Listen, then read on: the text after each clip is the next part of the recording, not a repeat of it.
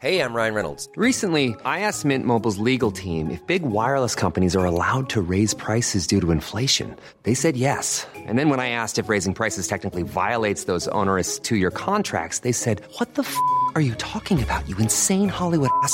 So to recap, we're cutting the price of Mint Unlimited from $30 a month to just $15 a month. Give it a try at mintmobile.com slash switch. $45 upfront for three months plus taxes and fees. Promo for new customers for limited time. Unlimited more than 40 gigabytes per month. Slows. Full terms at mintmobile.com.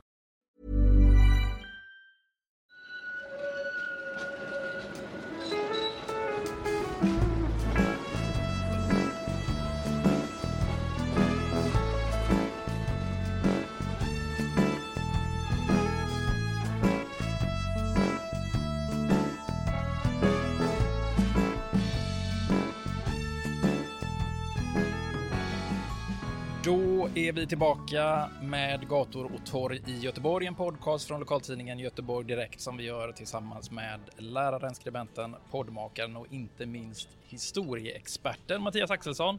Och det är framförallt eh, din expertkunskap i Göteborgs historia som vi krämar ur i den här podden. För vad är det här för podd egentligen Mattias? Det här är en podd om gator och torg i Göteborg, alltså om olika platser i Göteborg. Och tanken är ju att vi ska ta oss runt i stan och prata dels om historien bakom olika torg och platser och gator, men också lite grann vilken roll de spelar i staden idag. Mm. Och i det här avsnittet så är jag Christian Risenfors med. Jag är reporter på tidningen Göteborg Direkt. Och vi befinner oss på Stigbergstorget när vi sitter på klassisk mark. Vi sitter på Bengans. Och det är precis som man vill ha det i Majorna. Det är solsken och det är Kapten Röd i baren. Ja, det är Majorna all over the place kan vi väl säga. Vad har du för koppling och känslor till den här platsen Mattias? Ja, vi sitter ju som sagt på Stigbergstorget och som eh, inflyttad göteborgare, eh, uppvuxen i Borås, så är det ju framförallt just Bengans som är min liksom, koppling till. Det är så jag tänker Stigbergstorget. För när du eh, gick på gymnasiet i Borås på 90-talet och började åka själv till Göteborg, då var det ju framförallt två ställen man gick till. Det var Skivhugget på Masthuggstorget och det var hit till Bengans som väl jag upplevde som eh, en av de mest välsorterade skivhandlarna i, i Sverige. Många mil på 100-bussen. Ja, många mil på 100-bussen har det blivit genom åren. Stigbergstorget, om vi ska börja i namnet. Jag förmodar att det inte fanns någon båtbyggare som hette Stigberg utan att det har med något annat att göra. Man hade ju hoppats att det fanns Anders Stigberg som hade fått ge namn. Nej, det är, det är betydligt enklare än så. Det finns två konkurrerande hypoteser, men den som de allra flesta är överens om ändå, det är ju helt enkelt att det är ja, berget med stigen upp. Det är därför som Stigberget heter som det heter. För det är ju ett berg där vi befinner oss. Det är ganska imponerande höjdskillnad. Man tänker inte alltid på det. För att om man tar sig ner från Masthuggstorget som ju ligger nedanför Stigbergsliden och hela vägen upp och längs med Fjällgatan så är det ju faktiskt en höjdskillnad på hela 43 meter. Så att, man, att det är ett berg. Och sen var det då stigen upp på berget, därav namnet Stigbergstorget. Så, så tråkig är faktiskt förklaringen till namnet. Jag vet inte om det stämmer, men just det med, med höjdskillnaden. Min morfar har, har eh, berättat för mig att på den tiden som spårvagnarna drogs av häst och vagn så eh, det är väl slutet av 1800-talet och levde inte han, men så han, någon måste ha berättat det för honom eller om han har läst det någonstans. Men när eh, spårvagnarna drogs av häst och vagn så var det normalt en häst som drog, men om man skulle upp för Stigbergsliden så behövde man koppla på två. Vet du om det stämmer eller? Ja, alltså jag vet ju att det, var, att det finns berättelser om hur oerhört svårt det var att få upp spårvagnarna när de drevs med häst och vagn uppför för Så den historien kan mycket väl stämma. För det är också en, jag cyklade ju hit från jobbet, jag jobbar ju på Lindholmen, så jag cyklade ju från Stenpiren upp från Masthuggstorget upp hit till Stigbergstorget. Och det är ju en eh, rejäl brant att ta sig upp. Nu sitter vi som sagt på Bengans och vi har eh, Gatenhjälmska huset rakt framför oss om vi kisar lite mot solen. Ehm, det har ju rustats upp ordentligt nu i år och kommunen vill göra något slags kulturellt nav av det. De har öppnat upp och fixat trädgården och sådär. Vad, vad vet vi om historien kring det huset? Hur gammalt är det? Gatenhjälmska huset är väl kanske det som jag som historieintresserad ser som det mest intressanta huset här på Stigbergstorget. För det är ju ett av de absolut äldsta husen i Göteborg överhuvudtaget. Eh, man vet inte exakt när det är byggt, men man gissar på att det är byggt någonstans på 1740-talet, för det finns vissa stildetaljer inne i huset som eh, påminner om sånt som man byggde på 1740-talet. Och det finns även en del lämningar i arkiv som tyder på just 1740-talet. Så det är alltså några år, eller till och med två årtionden efter att Lars Gatenhjelm, som har fått ge namn till huset, dog. Så tyvärr så är det ju så att Lars Gatenhjelm har själv aldrig fått se eller bo i det här huset, även om han fått ge namn åt huset. Vem är han då? Eller vem var han? Ja, Lars Gatenhjelm är ju, eller var ju rättare sagt, en så kallad kapare. Vilket innebär att han fick bedriva kaparverksamhet. Vilket i princip är en form av piratverksamhet på Västerhavet. Eh, och det här är ju då tidigt 1700-tal. Och den som är historieintresserad vet ju att då har vi stora nordiska kriget. Karl XII är kung i Sverige. Vi krigar mot bland annat Danmark. Så Lars Gatenhjelm från Orsa, eller inte från Orsa, från Onsala, men jag. Orsa ligger uppe i Dalarna, från Onsala. Eh, han hette Lars, Lars Andersson från, eh, från början och kom från gården Gatan. Och det var därför han kallade, kallades för Lasse i eh, gatan. Och han gjorde en ganska snabb karriär som kapare. Och eh, 1715 så adlas han av kung Karl den eh, XII. Och då tar han faderns namn som är Gate och mammans flicknamn som är Hjelm. Och så slår han ihop dem så blir det Lars Gatenhjelm som blir hans då adliga namn. Och han är ju en sån konungens kapare, det vill säga att han åker runt och kapar med kungligt godkännande. Kungen har sagt till honom att du får åka runt här och kapa. Vilket också gjorde att eh, han kunde behålla de grejerna som man, eh, som man eh, tog till sig. Och som en någonstans gåva för sina goda insatser i Stora Nordiska kriget så fick Lars Gatenhjelm marken vid Stigbergstorget. För man ska komma ihåg att nedanför här, bakom det huset som Bengans eh, numera ligger i, så ligger ju, låg ju gamla varvet. Så det är ju gammal varvsmark och gammal eh, sjöfartsmark. Så Lars Gatenhjelm fick då eh, marken här uppe. Eh, däremot så är det som sagt inte han som bygger huset. För Lars Gatenhjelm dör 1718, bara eh, ett drygt halvår innan kung Karl XII sen dör. Och 1740 någonstans så, eh, så byggs det här huset. Man tvistar lite om exakt vem det är som har byggt huset. Men det är någon släkting till Lars Gatenhjelm som står bakom det. Och tanken var med huset att det skulle se ut som ett stenhus.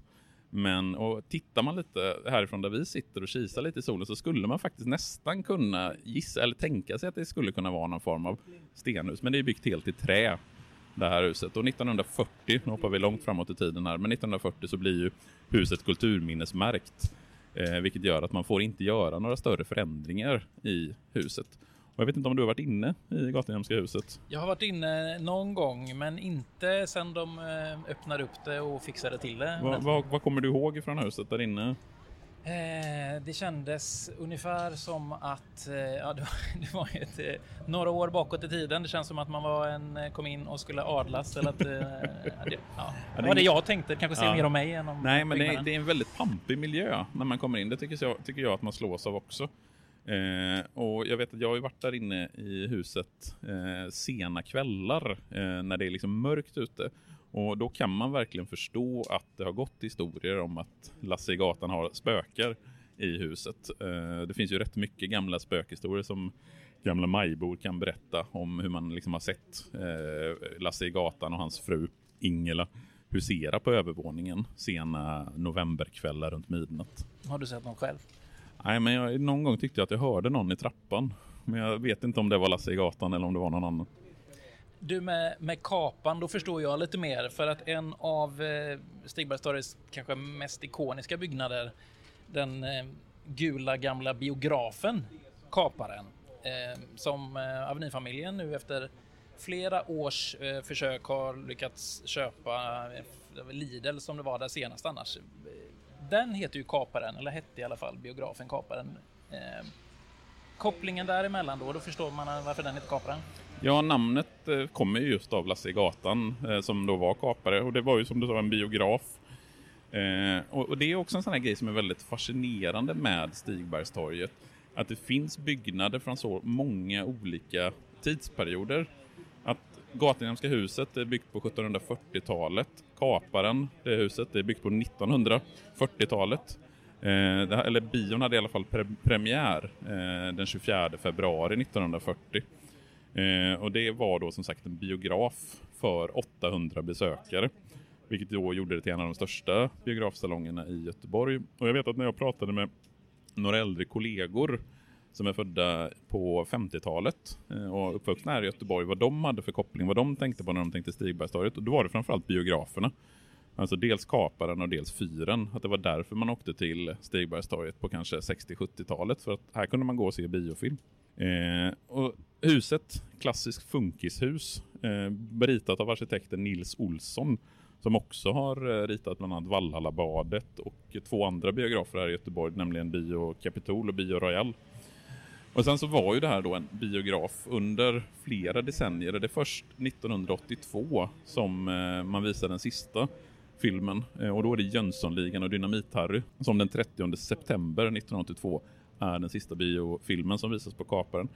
Och sen efter 1982 så har det dels varit eh, post i huset, det har varit Konsumbutik och nu precis som du sa senast Lidl-butik. Och vad som händer med den nu när Avenyfamiljen har köpt den, det vet vi väl inte riktigt. Eller vad har de för planer? Nej, det, de är ju väldigt hemlighetsfulla som vanligt när det handlar om vad de vill, vill göra. Men eh, eh man kan ju tänka sig i alla fall att de vill liksom öppna upp eh, torget mer, att Stigbergstorget ska mer, få mer torgkänsla, få mer eh, eh, liksom en serveringskänsla ut mot torget. Det är i alla fall den, eh Eh, den känslan jag får. Och när man pratar med Majornabor om det så är det, ju, det, är ju, det är ju delat. Både de som tycker att det är toppen, att, eh, att det är ännu fler verksamheter som öppnar upp och, och andra som tycker att det är lite tråkigt att det, att det är samma ägare till fler och fler restauranger i stan. Liksom. Mellan Kaparen och Gatuhjälmska så hoppade vi över ett annat eh, hus, Oceanografiska, som kanske mer känd nu för eh, krogen Oceanen. Vad, kan du säga om det huset? Ja, oceano, oceanografiska, jag har lite problem att uttala mm. det, så jag kallar det för Oceanen. Mm, det. Men det är ju Oce Oceanografiska institutet som har legat där. Eh, och det är lite intressant just att titta på det, för det är också ett hus som är byggt tydligt i funkisstil. Eh, det är byggt 1937-38, så river man det huset som låg där tidigare. Eh, och januari 1939, alltså 39, alltså krigsåret, så är eh, oceanen färdigt. Men det som står där innan, alltså det som huset som rivs innan, jag vet inte om du har sett gamla bilder från Stigbergstorget, hur det såg ut där innan man rev Nej. det huset. Det är nämligen ett femvåningshus eh, i stenhus som kallas för Skandalhuset. Och anledningen till att man kallar det för Skandalhuset, det var för att det var jättemånga som blev jätteupprörda. När man tittar på huset idag, alltså på bilder, så tycker man ju att det är ett jättefint hus. För det är ett sånt där hus som ja, man tänker sig att det skulle kunna stå i Vasastan. Alltså det är den typen av stenhus. Och jag tror faktiskt att det var så att huset ursprungligen ritades för att stå just i Vasastan, som är typ sån stenstadsbebyggelse. Men då menade man här i Majorna att bygga ett sånt hus eh, i början på 1900-talet på Stigbergstorget, ett femvåningshus. Det liksom skilde sig alldeles för mycket från den miljön. För då ska man tänka, då är det ju framförallt trähus. Eh, särskilt trähus längs med Barngatan bort eh, där Vita Björn ligger. Eh, så det blev stora kontroverser och det huset fick ju inte stå eh, så länge. Även om det inhyste en av Majornas första biografer. Eh, 1916 så öppnade Maximbiografen i bottenvåningen på det huset.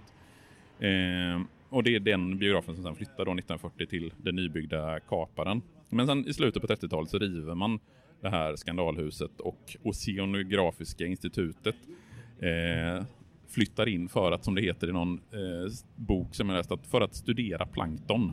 Det var en av de grejerna som man gjorde här på Oceanografiska. Det finns en tank som är 84 823 liter eh, som är inne i oceanen.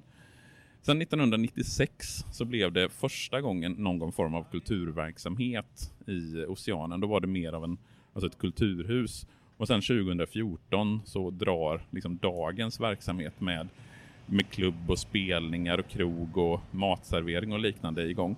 Man skulle lite grann kunna säga att det är också det 2014 som är startåret eller startskottet för den omvandling som vi ser på Stigbergstorget idag. Som vi med ett eh, lite akademiskt ord skulle kunna kalla för gentrifieringen av Stigbergstorget. Och där är väl kanske Aveny, Avenynfamiljens inköp och intåg i kaparen en del av den processen. Mm.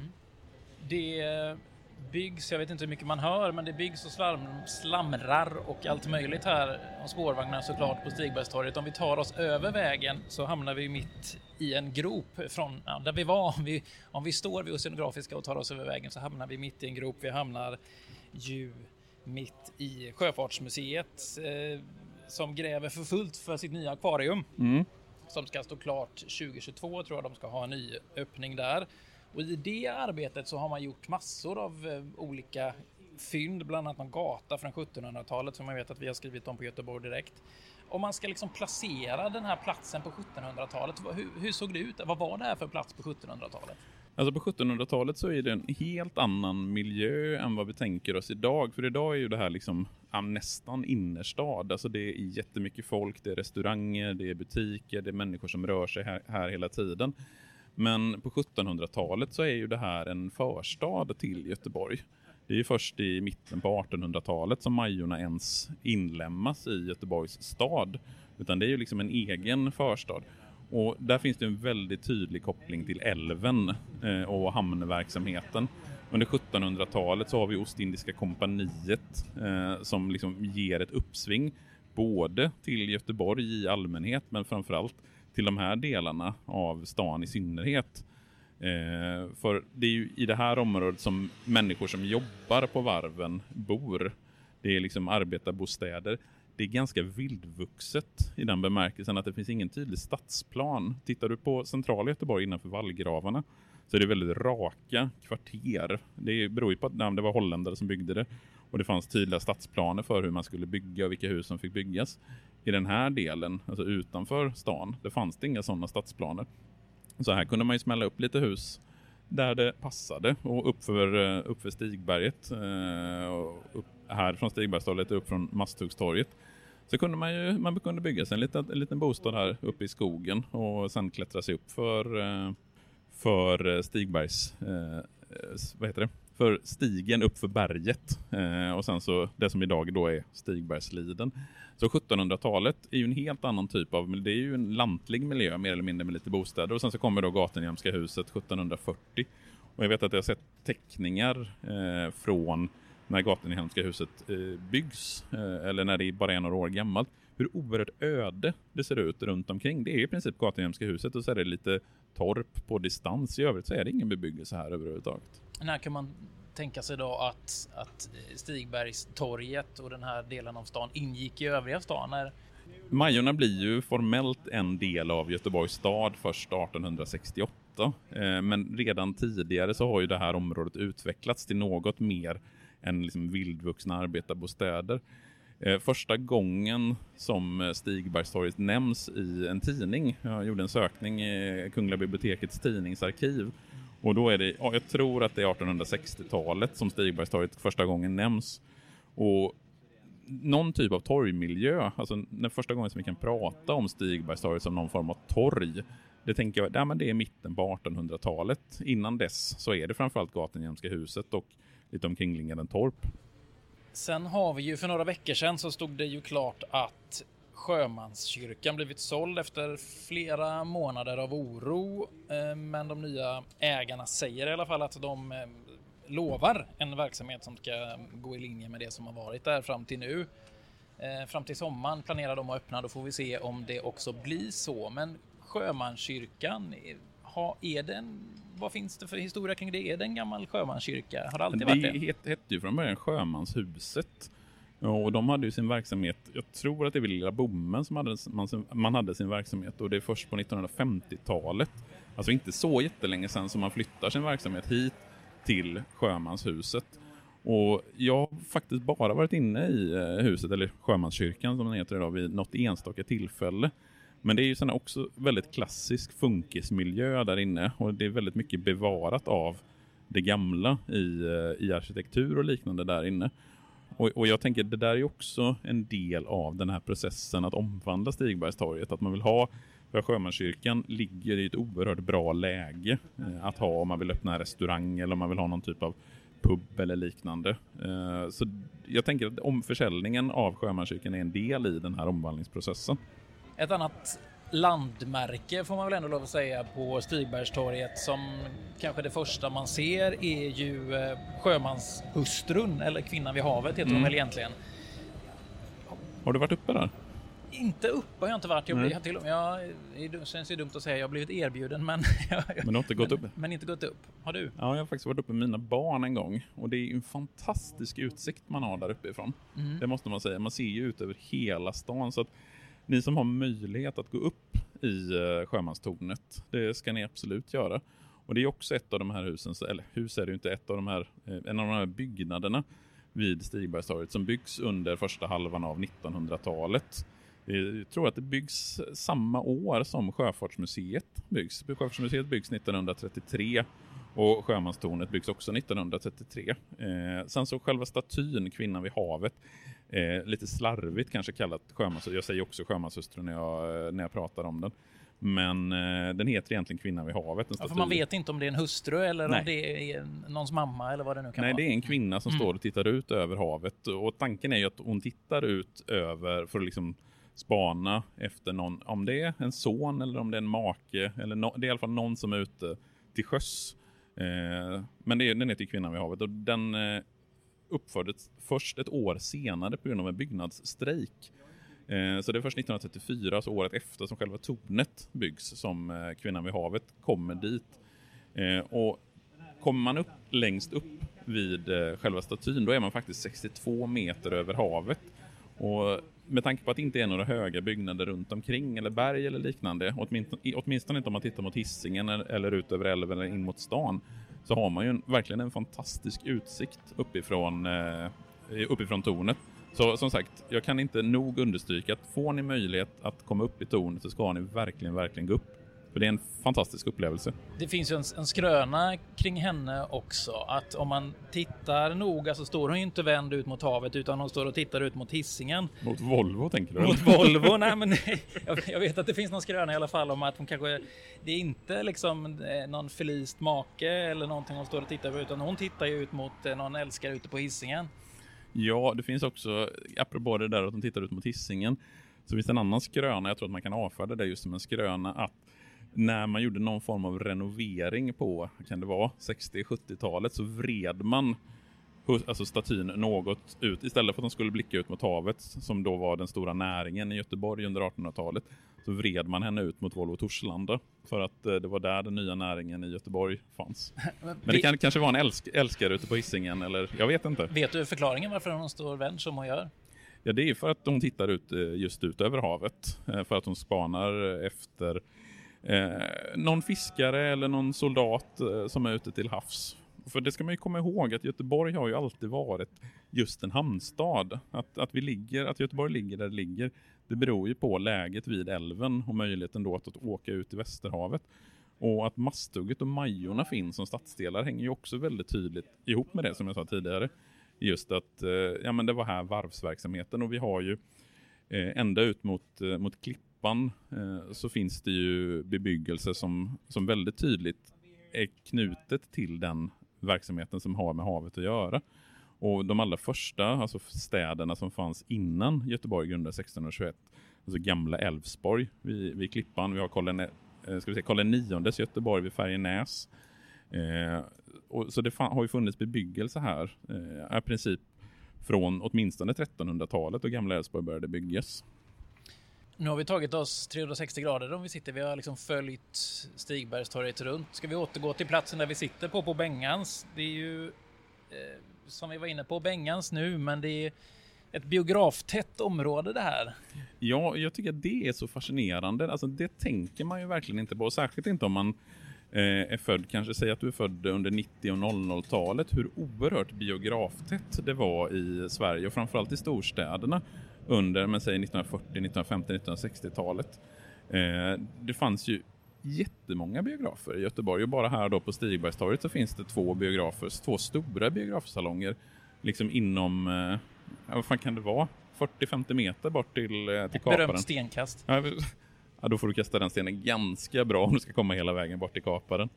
Nej men det, den, alltså den byggnaden vi sitter i då, eh, det som vi kallar för kanske Benganshuset. Jag tror att de har döpt om det här kaféet, heter väl Ölcaféet Fyren, eller så ska Mm. det döpas om. Jag vet inte om de har gjort det. Ja, men Riktigt. det har jag hört också. Ja.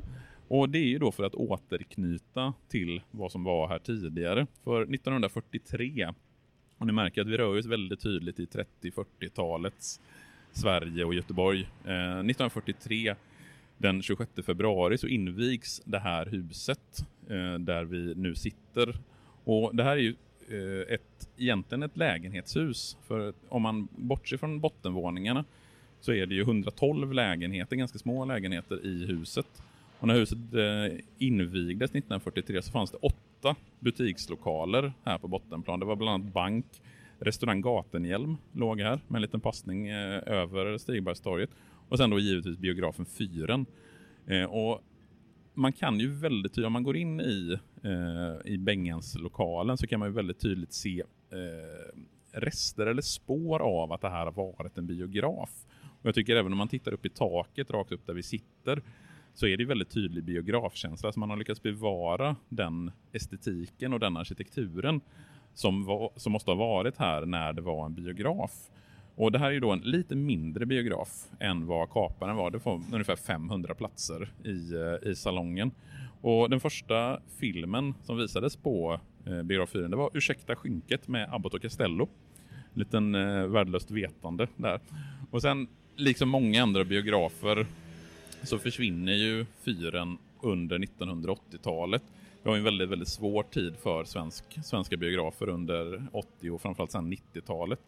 Eh, Europafilm som drev eh, fyren köptes upp av eh, SF och 1984, ett par dagar innan jul, så visades den sista filmen här. Och 1985 så stänger man fyren och Bengans flyttar in här 1986. Och då har ju Bengans legat på lite andra ställen nere i Majorna bland annat. Eh, och sen har Bengan, Bengans legat här sedan dess. Och för många som är födda på kanske framförallt 70-talet så är det nog Bengans som är en av de saker som man framförallt förknippar Stigbergstorget till. För det var hit man, eller förknippar Stigbergstorget med, för det var ju hit man åkte för att köpa sina skivor. Det här eller skivhugget nere på Masthuggstorget. I alla fall gjorde jag det. alla signeringar också. Ja, just det. Det får man ju inte glömma. Har du Och alla, varit på någon sån? alla spelningar som har varit eh, på, eh, på... Jag vet att jag såg på Las Vegas här för inte så jättemånga år sedan. Gjorde en fantastisk spelning. Väldigt avskalad sådan. Om vi ska ta och ehm, knyta ihop den här säcken så kan vi säga att både, eller att Stigbergstorget både är och har varit en viktig plats i Göteborg och ser ut att vara så framöver också. Nästa år så ska ju politikerna bestämma om det ska bli en bro eller tunnel som ska bli den nya älvförbindelsen mellan Stigbergstorget och Lindholmen. Ehm, och vad de bestämmer sig för går naturligtvis att, att läsa i Göteborg direkt. Om du hade fått bestämma Mattias, bro, tunnel eller ingenting? Det låter ju ganska häftigt med att ha en tunnel här från att kunna åka ner eh, från Stigbergstorget ner och ta tunneln över till Lindholmen och sen kanske ta tunneln hela vägen bort till Linnéplatsen. Det skulle ju vara oerhört spännande tycker jag med lite ordentlig tunnelbana här i Göteborg. Låter dyrt också. Låter dyrt men eh, jag tänkte säga, det är inte jag som betalar. Det är det väl i viss mån. Ska vi säga så för den här gången Mattias? Det tycker jag att vi gör. Tack. Tack så mycket.